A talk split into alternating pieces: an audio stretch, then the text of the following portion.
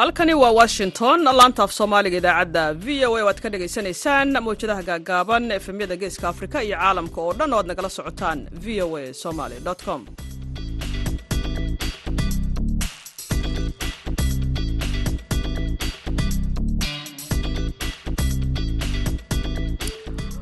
Duhur wanaagsan ah dhegaystayaal dhammaantiinba waa maalin isniina saddexda bisha oktoobar ee sanadka afrikada bari saacaddu waxay tilmaamaysaa kowda iyo barka duhurnimo. Magaalada washington d c ee idaacadda sida tooska idinkaga imaanaysana saacaddu waa lixda iyo barka aroornimo.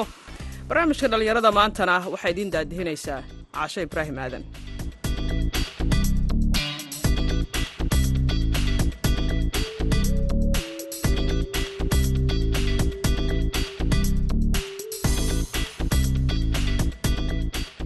qodobada aad ku maqli doontaan idaacadda duhurnimo ee maantana. Waxaa ka mid a wararkii ugu dambeeyey ee laba qarax oo maanta gelgelay magaalada beledweyne.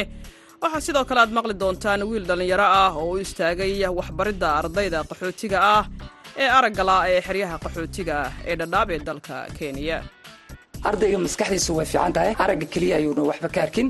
Marka waxaa wax la baraya qalab waxaa jira la yihahda brail oo taabashada lagu akhriya ama dareenka kaalimihii heesaha ciyaarihii iyo qodobo kale ayaad maqli doontaan. Balse marka hore waxaad ku soo dhowaataan warka caalamka.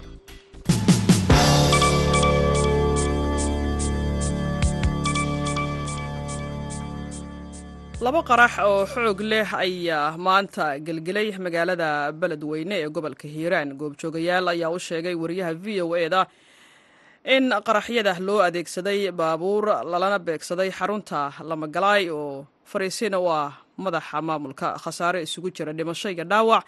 Ayay geysteen qaraxyadan ka dhacay bariga magaalada beledweyne. Waxa ay xudun u ahayd abaabulka dadka degaanka ah ee dhanka ah ee ka dhanka al-shabaab oo ciidanka dowladda iyo maleeshiyaadka degaankaasi ay tuulooyin badan uga qabsadeen al-shabaab.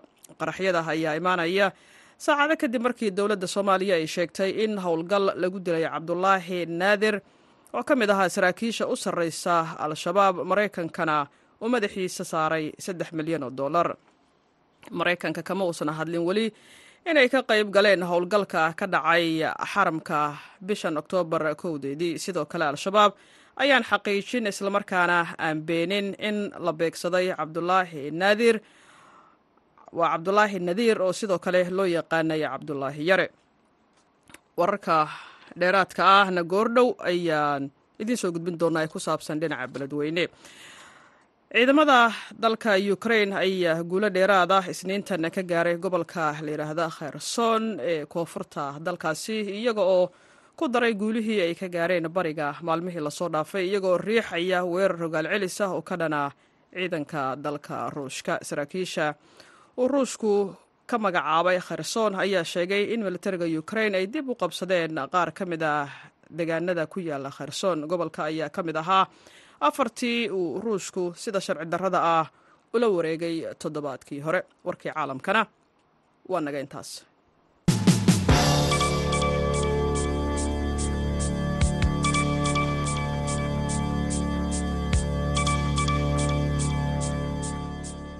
mar kale duhur wanaagsan. Meel kasta oo aad naga maqlaysaan. Sidaad warkaba ku maqlayseen laba qarax oo xoog leh ayaa maanta gelgelay magaalada beledweyne ee gobolka hiiraan. Khadka taleefonka ee magaalada beledweyne waxaa haatan si toosa ugu jira wariyaha v o e da xuseen xasan dhaqane. Xuseen marka ugu horreysa soo dhowow marka xiga maxaa ka soo kordhay labada qarax ee maanta ka dhacay magaalada beledweyne caasho waa sidaa sheegtay laba qarax ayaa barqanimadii maanta waxay ka dhaceen iridda laga galo xafiisyada dowladda ee magaalada beledweyne. Qaraxa koowaad wuxuu ahaa gaari yar oo kuwa raaxada oo xarun ama bar control oo ay deganaayeen ciidanka atmis qeybta jabuuti ay ku sugnaayeen ayaa lagu dhuftay. Qaraxa labaadna gaariga ayaa gudaha u gudbay laakiin ila ku dhow dhow dhinaca ammaanka waxay leeyihiin gaariga meel fog ma uusan gaarin laakiin meel u dhow goobtii uu kii hore ku qarxay uu ku qarxay. Inta la xaqiijiyay tirada dhimashada waa labaatan walow inta ay ka badan karto waxaa jira guryihii ka agdhawaa goobta qaraxa uu ka dhacay oo dhan dhulka ayay galeen. Waxaa jirtay dhaawacyo laga soo saaray meel controolka u dhow oo dadku ay ku shaaxayeen dad ku dhintay iyo dad ku dhaawacmay oo cisbitaalada magaalada la kala geeyey laakiin gudaha tirada dhimashada labaatanka ayaa hadda soo baxay. Waana ay dhici kartaa in tirada intaa ay ka badan karto. Waa tahay. Dhaqane bal waxaad noo sawirtaa laba qarax ayaa loo adeegsaday laba gaari ayaa loo adeegsaday qaraxyada ka dhacay magaalada beledweyne maanta. Bal waxaad sawirtaa guryaha burburay baaxadda ay la egyihiin ama dhulka ay ku fadhiyaan inta khasaaruhu gaaray caasha horta xilliga qaraxyada ay dhacayaan waxa ay ahayd xilli shaqo oo goobaha ganacsiga dadku ay furanayaan dadka qaar magaalada ay soo galayaan goobihii waxbarashada. Dadku ay howl maalmeedkooda waktigii ay bilaabanayeen ayay ahayd. Waxaan ku qiyaasayaa saddex saac iyo bar ilaa afar saac inta udhexeysa ayay ahayd. Aan iraahdo afar saac ilaa afar saac iyo bar. Marka xerada lamagalaay waayo meesha ay degan yihiin maamulka dawladda waxaa jira control ku yaalo intaan la gelin oo ay ku sugan yihiin ciidan jabuutiyaan ah oo halkaasi ka howlgala oo caro iyo waxa u yaalla gawaarida maaragtay xabadahu karin. Qaraxa koowaad kaasaa lala bartilmaameysaday midka labaad markii kaa uu waddada furay ayuu asna gudaha galay. Dhulka burburay waxaa lagu qiyaasi karaa shan boqol oo mitir in la eg waxaa dhulka galay xaruntii maamulka iyo xafiisyadii degmada bangigii magaalada.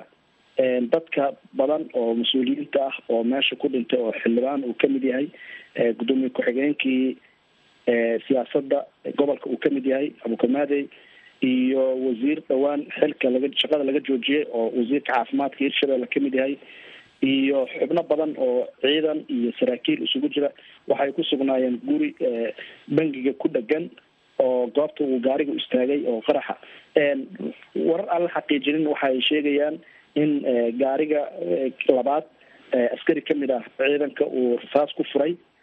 Laakiin qorshaha uu ahaa in meel ka fog uu sii gaaro. Laakiin taa ma xaqiijin karno. Marka dhulka uu baabiiyey waa dhul aada u baaxad weyn.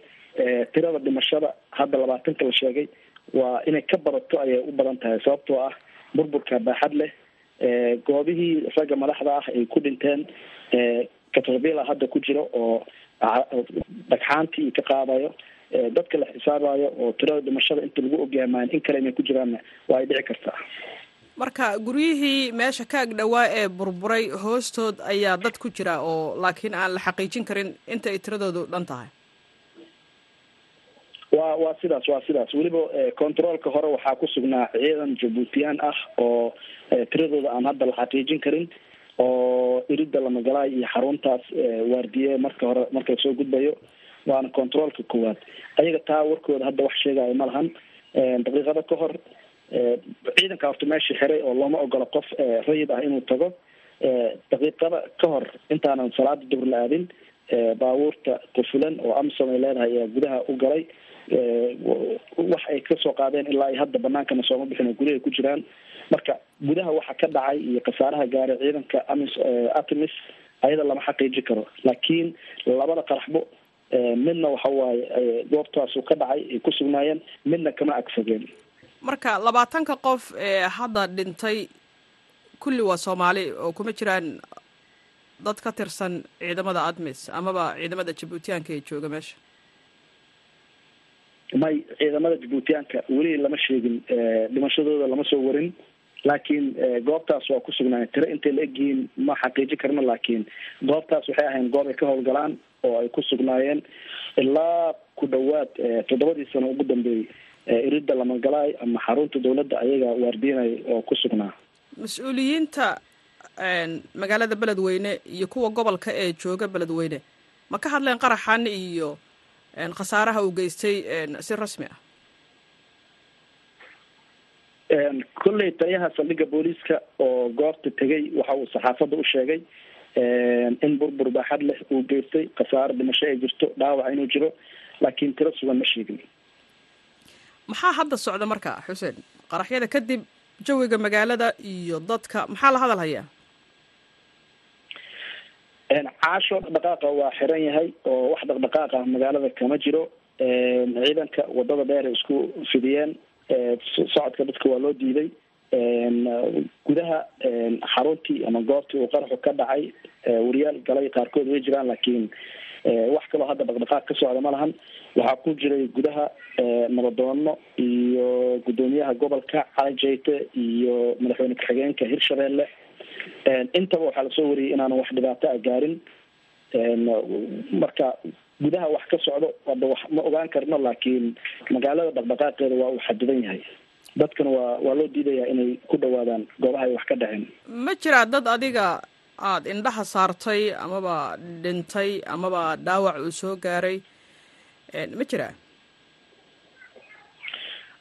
dad dhaawac ah waa arkay laakiin qaarkood ayagaa lugooda ku socday kuwa la qaaday oo jajab oo cisbitaalada brivatiga la geeyey waa arkay laakiin ma badneen.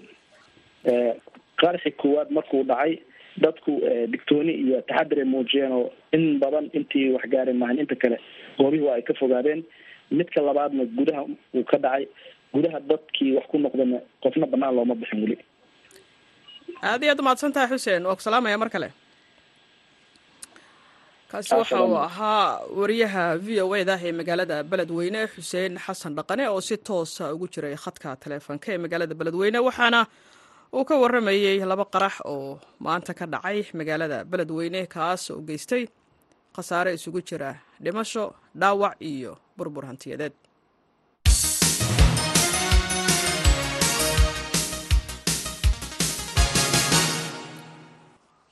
mar kale ayaan duhur wanaagsan. Hawada idinka leenahay meel kastoo aad maqlaysaan. Cabdi aadan cabdi waa nin dhallinyaro ah oo ku nool xeryaha qaxootiga ee dhadhaab waana macalinka waxbara ardayda araggala ee wax ka barata iskuullada ku yaalla xeryaha qaxootiga ee dhadhaab wariyaha v o e da ee xeryaha dhadhaab axmed nuur maxamed cabdulaahi yogol ayuu u waramay waxaan dhigaa iskuulka hormuud primary school oo ah iskuul ay dhigtaan arday naafa ah iyo kuwo kale. Marka waxaa waxbara ardada aragga naafada ka ah ee dhigta iskuulka hormuud primary school.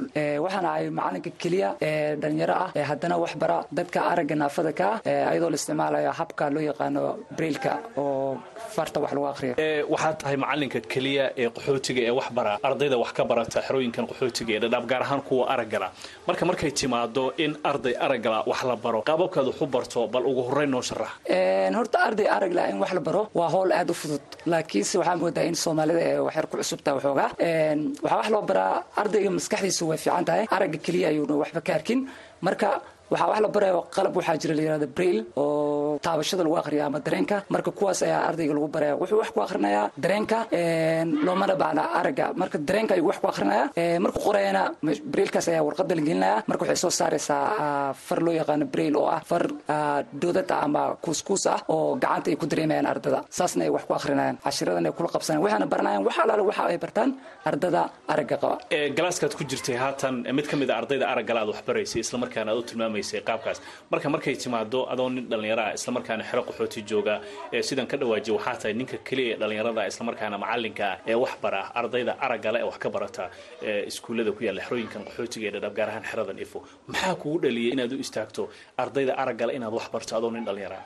Horta waa su'aal fiican. Waxaa igu dhaliyay horta waxaa waaye markii aan iskoolka soo dhameeyey waxaa arkay ardada araggala ee dhigata xeradan qaxootiga ifo oo aana haysan macalimiin islamarkaasina iskoolka imaada ayagoo duruustii loogu talagalay aana qaadan sida ardada lixaadkooda dhamaystiran oo kaleeto ee guriga ku laabta. Marka waxaan ku fikiray walaa runtii ma ahayn markii hore inaan macalin noqdo laakiin marka aan xaaladaas arkay baahida ayaan waxaan go'aansaday inaan bulshadeyda iyo dadka aragga naafada ka ah ee cilmiga aan soo bartay u baahan inaan uga faa'iideeyo. Sidaas daraaddeedna aan u noqdo role model ama qof ay ku daydaan islamarkaasna ay ogaadaan inuu jiro dad wax soo fartooda wax ku bartaan oo kale soo barte islamarkaasna si wanaagsan wax u bari kara imtixaankana ay la qabsan karaan ardada kale. Runtii taasna waan ku dadaalna waxaana jirta in arday badan hadda aan u dirnay dugsiyada sare oo ka soo qalinjibiyey fasalkayga islamarkaasna ay hadda galeen dugsiyada sare.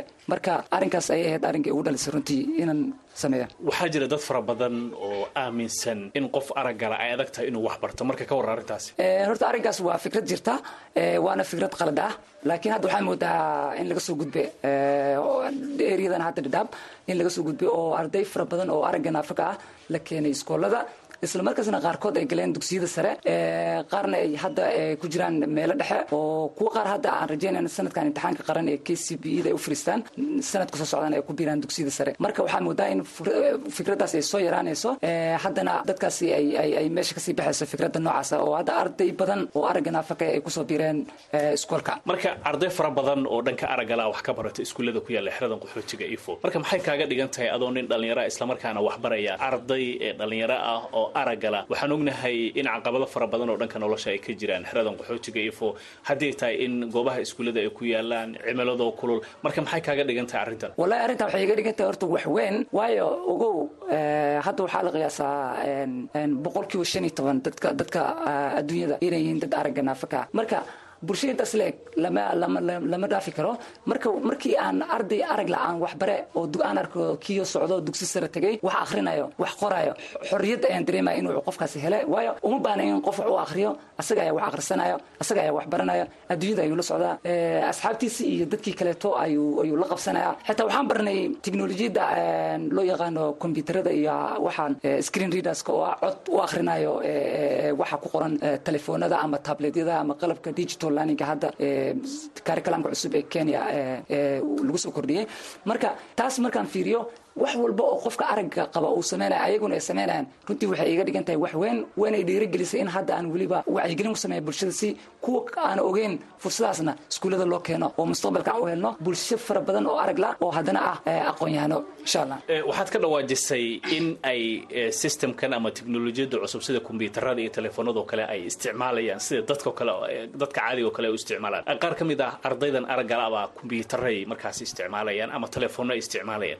Marka bal sharax qaababkay u isticmaalahayaan. Wallahi horta qaabka waxaa weeyaan waxaa laga yaabaa qofkii aan weligiis arkin inay si kale u ekaato laakiin waxaa waaye cod baa jiro la yiraahdo hadda computerka kale markaan ka hadalno waxaa jiro n v d a cod la dhaho oo macnihiisa ah non visual desktop oo loogu talagalay qofka aan waxba arkin in uu isticmaalo. Marka wax walba oo lagu qoro computerka screenkiisa soo fuula ama fariin soo dhacda meel ayaa taabanaya kadibna wixii meesha ku qornaa ayuu akrinaya oo codka waba dhegeysanayaan maadaama ay luuqadii fahmayaan. Telefoonada kale haddaan u nimaano waxay leeyihiin screen readers kala duwan. Waxaa ugu caansan haddan filaya topback nooca loo yaqaano oo ah nooc laga helo settingka telefoonka. Weliba maalmaha dambe smartphoneyada soo baxaya waxaa moodaa in shirkadaha ay ku talagaleen oo si fiican lagu soo kordhiyey marka active ayaa laga dhigaa oo waa la activate garanaya ama waa la soo toosinaya markii la toosiyo ardayga marka markii uu yimaado hadda tabletyaha iskuullada aan ka isticmaala inta badan. Tabletka markii marka codkaas lagu xiro ardayga markuu taabto keyboardka ama meeshii wax lagu qoray ee ku qornayn a b c da markuu taabto e hadduu taabto e ayuu dhahaa. B hadduu taabto b marka meeshii uu rabin hadduu taabto wuu dhileed garanaya ama uu tiraya marka dhegaha ayuu kala soconaya gacmahana wuu ka qoraya marka habkaas waa habka systemka loo isticmaalaya waana system aad u fudud. Weliba waxaa moodaa maalmahan de brailka in laga sii guurayo oo loo guurayo habkaas cusub waayo waa teknolojiyad cusub loomana baahna qalab fara badan iyo waxyaala fara badan kaasi waxa uu ahaa cabdi aadan cabdi oo ah nin dhallinyaro ah oo ardayda araggala ee ku sugan xeryaha qaxootiga ee dhadhaab ka caawiya xagga waxbarashada. Waxa uu warramaya waryaha v o eda ee xeryaha qaxootiga ee dhadhaab axmed nuur maxamed cabdulaahi iyagoo halkaad kala socoteenna waa laanta af soomaaliga ee v o a oo si toosa idinkaga imaaneysa magaalada washington. Haatanna boosaaso magaalada boosaaso waxaa lagu qabtay kulan ardayda loogu dhiiro gelinayo barashada luuqadda carabiga taas oo ay sheegeen in ay wax badan ka caawin karto dhallinyarada. Warbixin arrintaasi ku saabsan waxaa magaalada boosaaso ka soo diray wariyaha v o e yuusuf maxamuud. Yuusuf. Kulankan oo ka dhacay magaalada boosaaso ayaa ujeedadiisu waxa ay ahayd muhiimadda luqadda carabiga ay u leedahay bulshada iyo weliba dhallinyarada. Kulankan oo socon doona muddo laba maalmood ah waxaa furitaankiisa ka qaybgelaya mas'uuliyiinta maamulka puntland ismo culamaa udiin madaxda jaamacadaha iyo weliba kuwa macaahidada dhallinyarada iskuullada. Waxaana si xoog ah loogu saarayay sidii dhallinyarada ay xoog u saari lahaayeen barashada luqadda carabiga. Ugu horreyntii guddoomiyaha jaamacadda bariga africa rofesor cabdirasaaq takar ayaa ka hadlay kulankan waxaana uu ka warbixiyey muhiimadda ay leedahay luqadda carabiga.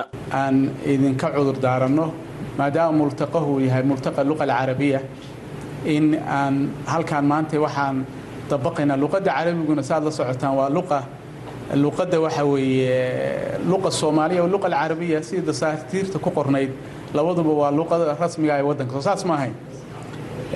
In kasta oo nasiib darro dastuurka hadda waddanka u qoran ee kumeelgaarka aan weli aftida loo qaadin ay ku qoran tahay luuqadda waddanku waa af soomaaliga oo kale ah maxaa tiri may iyo maxaa tiri? Luuqadda carabi sida ku qoran baan ka hadlaya luuqadda carabiguna waa luuqadda labaad ayaa ku qoran. Waa nasiib darraday ka mid tahay. Anigu waxaan dhigi jiray qaanuunka mawaadka aan dhigi jiray waxaa ka mid ah marka qaanuunka dastuurka soomaaliya. Dastuurka soomaaliya maraaxil badan buu soo maray. Dhammaan wixii dastuur soomaaliya soo maray ha ahaado kii intidaabka xataa ha ahaado ka horreeyey xornimada ama kii aftida loo qaaday dowladdii madaniga ahayd ee kacaan ka horreysay ama kii siyaad barre qoray toddobaatankii ama kii carta lagu qoray dhammaantood waxaa ku qoran luuqadda rasmiga ee waddanku waa soomaaliga oo aan la kala qaadin soomaaliga iyo carabiga saasaa ku qornay. Carabiguna waa luuqadda labaad saasaa ku qoran. Just for information lilmacluumiya marka waan soo dhowaynaynaa dhinaca kale qaar ka mid a ka qaybgalayaasha kulankan oo u badnaa dhallinyaro ayaa sheegay inay xoojinayaan barashada luqadda maadaama muhiim ay u tahay bulshada. Bal laga yaabo qofka ku hadlaya in la ihaanaysto oo laga fogaado. Baynamaa luqadda kale oo ajnabiga qofka ku hadlaya la soo dhowaynayo si aan marka diinteenna ugu gargaarno oo aynu u noqonno dad salafkeennii saalixa waddadiisii haya waxaan rajaynayaa luqadda carabigana inaan u gargaarno. Luqadda carabiga oon u gargaarno oon baranno. Waa diinteennii oon baranno. Waa diinteennii oon u gargaarno. Waa islaamnimadii oon xoojinno. Ayada ayaana asal u ah islaamka. Iyaduu ku qoran yahay. Dawaawiintii islaamka oo dhan ay ku qoran yihiin. Waxaan rajaynayaa multaqahan shariifka ah inuu soo noqnoqdo oo uusan ku ekaan markaan وأشكركم على حسن استماعكم وأسأل الله أن يكون معكم في هذا البرنامج وفي هذا البرنامج ونصرة هذه اللغة ونشرها في قومنا waxaan matalayaa madalatulbayaan almufasiriin haddana uu ka wadaa qayb weyn bay ka tahay noolaynta luqadda carabiga marka la eego qofka ardayga marka loo micnayo kitaabka iyo micnihiisa marka la baro wax badan buu wuxuu ka fahmayaa luqadda carabiga. Beeldaaji ismaaciil beeldaaji yaasiin iyo duqa magaalada boosaaso xasan cabdalla xasan gudoomiye ku-xigeenka koowaad ee gobolka bari oo ka qaybgelaya kulankaasi ayaa soo dhoweeyey. Magaalada boosaaso waxaa ka furan ilaa afartan dugsi oo waxay barayfit oo lagu barto luqadaha ingiriiska turkiga faransiiska laakiin hal dugsi oo lagu barto magaranaysa barayfit oo carabiga lagu bartaa ma jiro horta taa waa idinku baraarujinayaa dhammaantiinba ma garanaysa. In bal barayfitya la furo badan oo carabiga ma garanaysa luqadda carabiga lagu barto. Keliya qodobkaas baan anigu ma garanaysa ku darsanayaa inaan barayfitkiisii furno luqadda carabiga oo meel kastoo luqadda ingiriisiga lagu barto barayfit ka furan yahay dhinaceeda kaleeto lagu furo. Aad iyo aad baan ugu faraxsanahay. Waxa weeye waana ku faraxsanahay madaxda iyo mas'uuliyiinta ka soo qaybgashana aad bay ii farxad gelinaysaa. Xalay markii lii sheega shaqo kastoo aan lahaa waxaan danaynayay inaan ka qaybgalo waxaan rajaynayaa inuu sii socdo oo mustamira uu noqdo isla marra. Ugu horraysa ay noqon jaamacaadka iyo madaxdana wax badan baa khaldayo de ereb uma dhalan marka laakiin waan nahay carabi waanu ku faraxsannahay deegaanka maanta aynu joogno xilli laga joogo muddo badan waxaan garanayaa toddobaatanaadkii wixii ka horreeyey waxaa lagaga dhaqmi jiray luqada carabiga waxaa lagu qori jiray warqadaha qofkii doonaya inuu cadan u dirsado alaab ama xoolo u dhoofiyo. Waxa la yidhahdo tacyiin baa la qori jiray waxaa loodhan jiray waxaa iyo waxaa iyo waxaa iisoo iibi. Waxaa la arki jiray dad qalin iyo warqad wato magaalada ku wareegaya oo af carabiga in loo qoro doonaya. Afka carabigu degaankan wuxuu ahaa muhiim kulankan ay soo qabanqaabiyeen mas'uuliyiinta jaamacadda bariga afrika. Ayaa sanadkan waxaa xoogga lagu saari doonaa sidii dhallinyarada door muhiim ay u siin lahaayeen barashada luqadda carabiga maadaama inta badan jaamacadaha iyo weliba iskuullada ay ku baxaan luqadda ingiriiska taasoo qayb ka ah dadaalada lagu doonayo dhallinyarada barashada shareecada. Yuusuf maxamuud v o e boosaaso aad iyaad u mahadsan tahay yuusuf haatanna waa wararkii dhinaca ciyaaraha. Waxaa inoo haya cabdulqaadir maxamed mursal samakaab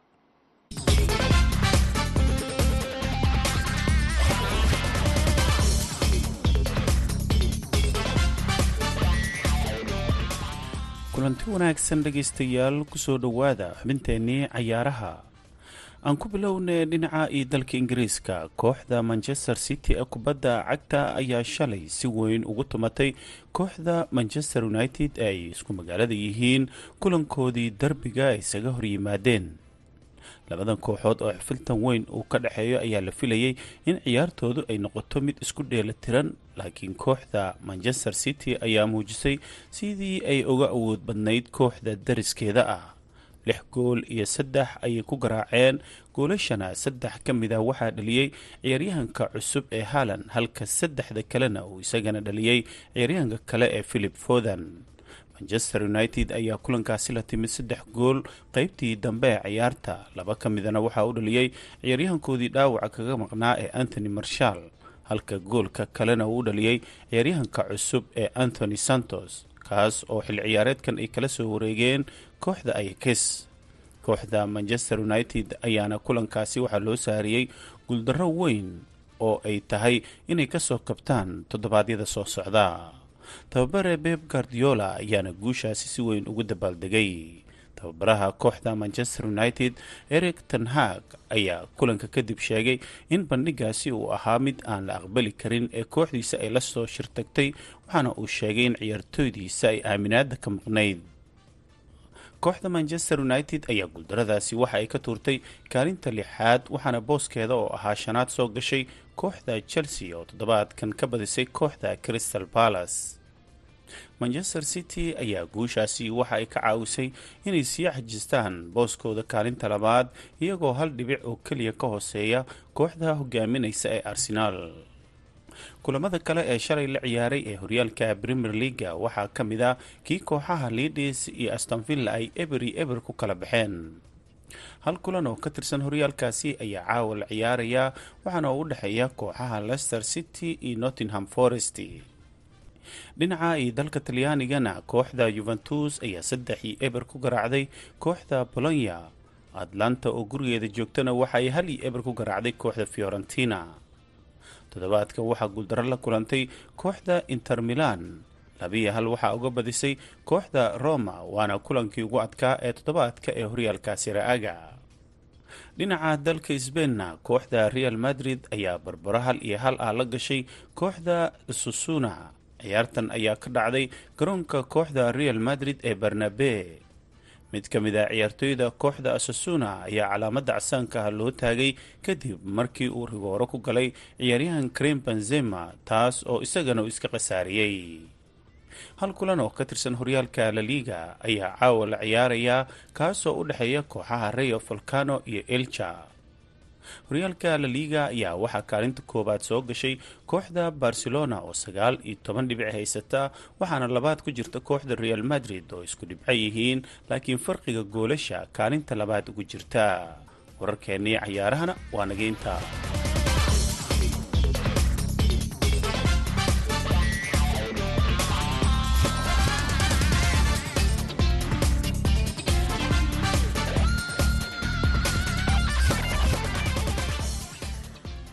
aad ayuu mahadsan yahay cabdulqaadir maxamed mursal samakaabi wararkii dhinaca ciyaaraha ayaad la socoteen. Gabagabada idaacadda ayaanu ku sii siqaynaa haddii aanad xusuusiyana warka maanta waxaa u weynaa laba qarax oo loo adeegsaday gaari oo gelgelay magaalada beledweyne ciidamada waa wariyaha v o eda ee magaalada beledweyne ayaa goobjoogayaal waxay u sheegeen in qaraxyadaasi loo adeegsaday laba gaari islamarkaana lala beegsaday xarunta lamagalaay oo fariisin u ah maamulka waa madaxa maamulka. Degmada khasaare isugu jira dhimasho iyo dhaawac ayay geysteen qaraxyadan ilaa iyo hadda inta la xaqiijiyey labaatan qof ayaa ku dhimatay. Dad kale oo badanna waa ay ku dhaawacmeen wixii warar ee ka soo kordhana waxaad ku maqli doontaan idaacadaha iyaga soo socda haddii aan la idmo.